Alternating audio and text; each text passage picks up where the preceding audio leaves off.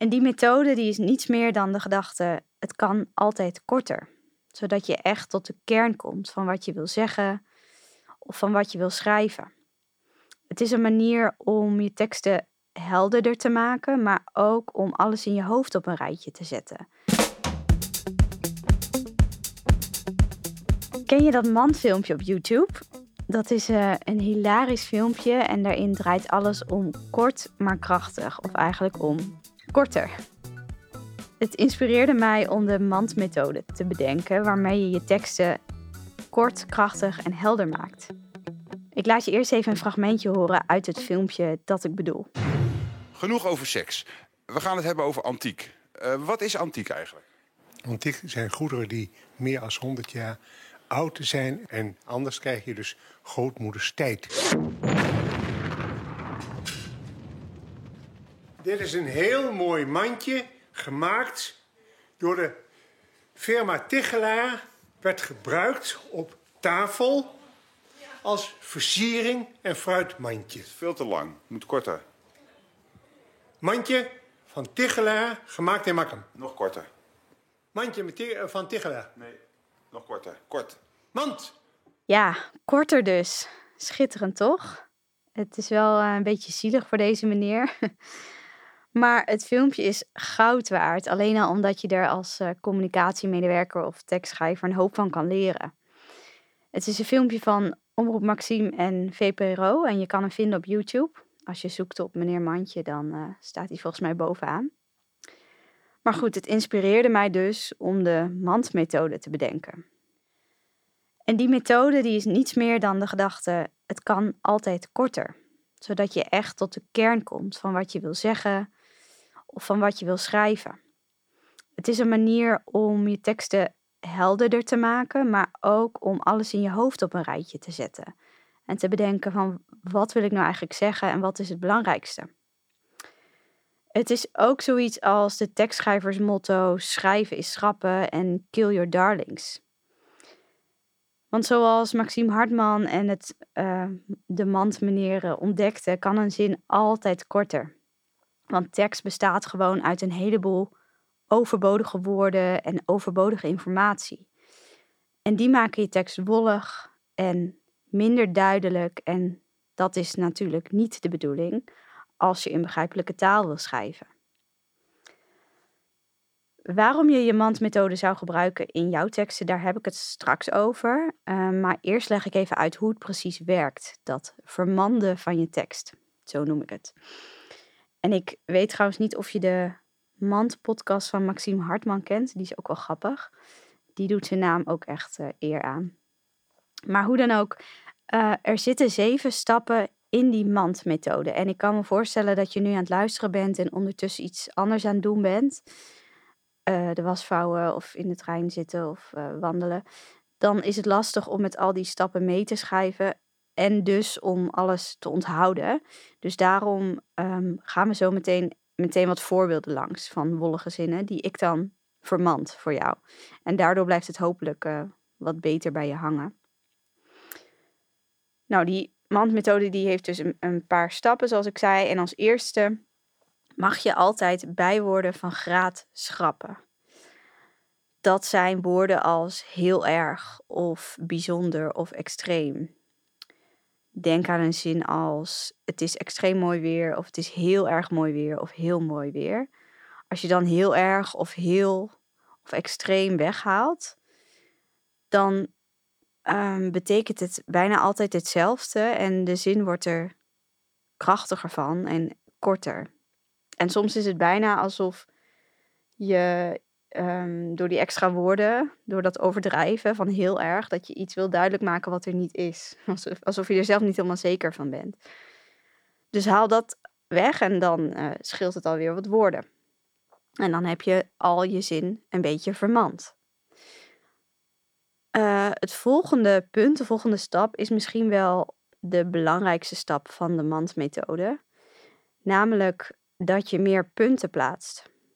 En als ik mensen help um, in, in trainingen of uh, mijn coaching met teksten vermanden, dan zijn we een groot deel van die tijd bezig met inkorten. Wat dacht je bijvoorbeeld van deze zin? En zet je schrap, want dit is dus één zin.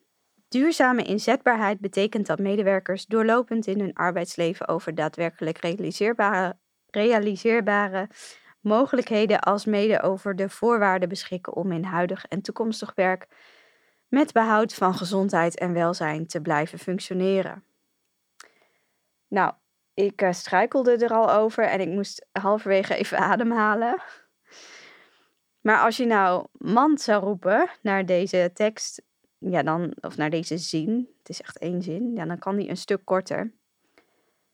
Er staan natuurlijk ook veel moeilijke woorden in. Dat is ook iets wat eruit moet. Maar hoe klinkt dit? Duurzame inzetbaarheid betekent dat medewerkers zich gezond en gelukkig voelen.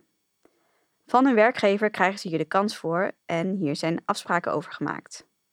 Zo kunnen medewerkers hun werk goed blijven doen. Ik heb dan dus van één hele lange zin, even zien, ik had het even opgeschreven, drie zinnen gemaakt. Dus van één naar drie. En je hoorde meteen ook al dat ik tussendoor een kleine pauze hield. En daardoor heb je ook rust als lezer, in dit geval als luisteraar. En ja, ben je niet helemaal de weg kwijt op een gegeven moment. Van wow, waar gaat dit nou eigenlijk over? Dus het is veel prettiger leesbaar als je zo'n hele lange zin opsplitst. En ken je ook van die voorzetsels, voorzetsels als ten aanzien van of met betrekking tot, jegens, middels, betreffende, al dat soort uh, wollige zooi.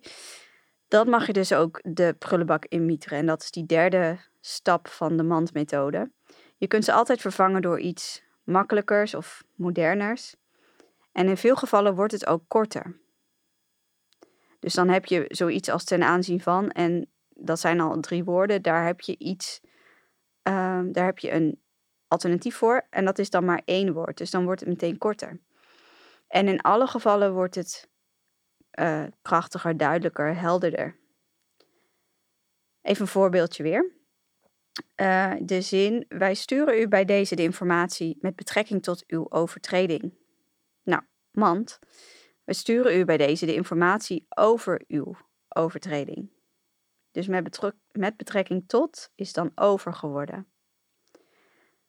Dat is korter en helderder. Als vierde stap van de mandmethode passen passieve werkwoorden er ook niet bij. Niet bij een korte en krachtige tekst. Dus die mag je ook schrappen. Dat gaat dus om de woorden zijn en worden en vervoegingen daarvan, dus ook is of wordt bijvoorbeeld. En ehm, dat zijn vaak passieve werkwoorden. Het betekent dus niet dat als je een, het woord zijn of worden in een zin hebt, dat het dan automatisch een passieve zin is. Maar als je een passieve zin hebt, dan komt dat vaak door worden en zijn. En vooral worden is echt een boosdoener. En dan heb je ook nog de woorden kunnen, zullen, willen en gaan. Dat zijn van die woorden die, dat zijn officieel geen passieve werkwoorden, maar ze maken je tekst wel passief in plaats van actief en wat um, stroperiger, wolliger, ja, en langer. Maar ook hier snap ik, uh, snap ik het als je wat voorbeelden nodig hebt. Bijvoorbeeld de volgende zin. Uh, de hond zal morgen naar de dierenarts worden gebracht. Um, worden gebracht is het passieve stuk erin. En het maakt het allemaal wat um, omslachtiger, wat stroperiger dan als je zegt: Piet brengt de hond morgen naar de dierenarts. Dus in plaats van de hond zal morgen naar de dierenarts worden gebracht. Dus je zegt wie het doet, dat moet je dan wel weten. Um, en ja, het klinkt gewoon korter en krachtiger, toch? Zal worden gebracht. Dat zullen is trouwens ook uh, een passief stuk. Zal, vervoeging van zullen, dat komt er ook uit. Het, um, ja, het maakt het alleen maar langer. En dan heb je nog als vijfde stap de tangconstructies. Dat zijn van die draken van zinnen waar meerdere komma's in staan. Um, een soort van mini-zin in een grotere zin. Dus je begint iets te vertellen en dan opeens wil je nog weer andere informatie vertellen. Dus dat prop je er dan tussen. En daarna ga je verder met waar je eigenlijk mee bezig was. Nou, daar heb ik ook even een voorbeeldzinnetje van opgeschreven.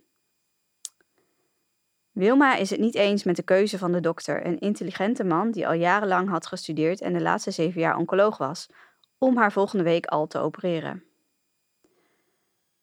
Nou, uh, zo ongeveer halverwege de zin was je misschien alweer vergeten waar het begin ook alweer over ging, omdat het opeens ging over dat die man intelligent was en zeven jaar oncoloog was. Dat is dus niet handig. Dus als je zegt mand, dan knip je de zin op. Je kan er twee of drie zinnen van maken in dit geval. Uh, in plaats van dat je een hele lange zin hebt. En dan ook nog eens een hele lange zin met zo'n tussenstukje erin, tussen twee komma's. Dat zou ik vermanden. Als je mijn podcast al wat langer luistert, dan weet je dat ik gek ben op korte zinnen. Niet alleen maar korte zinnen natuurlijk. En ook geen zinnen van drie woorden of zo. Um, of, niet alleen maar. Maar komma's vervangen door punten. Dat, um, ja, daar ben ik echt groot fan van. En het woordje en vervangen door een punt. Uh, een hele lange zin van 34 woorden of zoiets splitsen in drie of vier zinnen. Daar hou ik van. Het maakt je boodschap namelijk zoveel sterker, duidelijker en prettiger leesbaar. En daar help je je lezer echt mee. Want je wil ook niet dat hij afhaakt. En je wil dat ja, jij wil het doel van je tekst bereiken. En je wil dat je lezer ook iets doet vaak. Of dat hij iets niet doet. Dus die wil ik ook graag nog even genoemd hebben hierbij. Maak je zinnen korter. Um, het maximale aantal woorden in een zin dat nog een beetje acceptabel is en prettig leesbaar, uh, dat is 15 woorden. Um, en, en daarbij is het natuurlijk belangrijk dat je afwisselt. Dus ga eens door je teksten en je zal zien dat veel zinnen langer zijn dan 15 woorden. En misschien ontdek je dan ook wel van die tankconstructies waar ik het net over had, met allemaal extra informatie in, uh, in zo'n bijzin. Dus splits je zinnen op, haal informatie eruit die niet relevant is. En als je dat toch wil noemen, noem het dan in ieder geval in een aparte zin. Wat je ook nog mag schrappen bij de mandmethode, het gaat heel veel over schrappen, dat is dubbele ontkenning. Als je het trouwens even terugspoelt, dan hoor je dat ik daar een uh, tangconstructie maakte. maar dubbele ontkenning, dat mag eruit. Uh, een voorbeeld is niet onbelangrijk. Zeg liever belangrijk.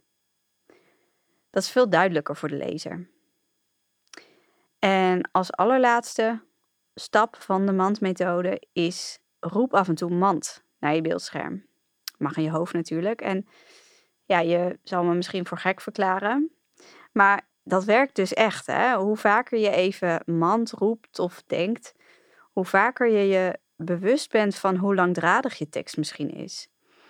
En soms kun je wel twee of drie keer mand roepen, vermanden, voordat je tekst pas echt tot de, de kern komt.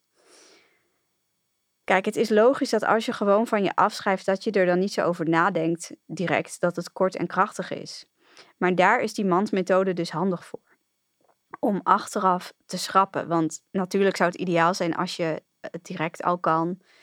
En als je direct al tot de kern komt en geen onnodige woorden gebruikt. Maar ja, dat is, dat is best wel lastig. En soms zit je juist zo lekker in het schrijven dat je daar juist achteraf uh, goed naar gaat kijken. Um, maar daar is die, die methode dus handig voor. En die stappen die ik, die ik net omschreef. Want als je met een frisse blik um, naar je tekst kijkt, dan zie je pas hoeveel eruit kan. En hoeveel krachtiger het daarvan wordt. Maar oké, dat is dus allemaal leuk en aardig. Maar is dit wel iets voor jou? Denk je misschien passen korte en krachtige teksten bij jouw doelgroep? En uh, korte zinnen en ja, van die, van die moderne voorzetsels en in plaats van met betrekking tot en dat soort dingen. Is dit eigenlijk wel echt heel boeiend voor jou? Nou, kort en krachtig schrijven, wat voor mij, voor mij gelijk staat aan helder schrijven, dat is echt nodig, noodzakelijk als je schrijft voor een breed publiek. Dus een publiek met allerlei soorten mensen erin. Ze zijn heel verschillend en ze zitten allemaal op één hoop. Um, ze hebben verschillende achtergrondkennis, verschillende taalniveaus, verschillende opleidingen, afkomsten. ja, dan kun je de boel maar beter helder houden. En dus kort en krachtig. Maar goed, eigenlijk raad ik het iedereen aan om kort en krachtig te schrijven. Ehm, kijk, hoe breder je publiek, hoe, noodzakelijker het is om dit soort dingen te doen. Ehm, maar ja, voor, voor iedereen maakt het je teksten beter. En voor iedereen is het goed om die meneer Mandje, om die wat vaker in je hoofd te laten rondzweven.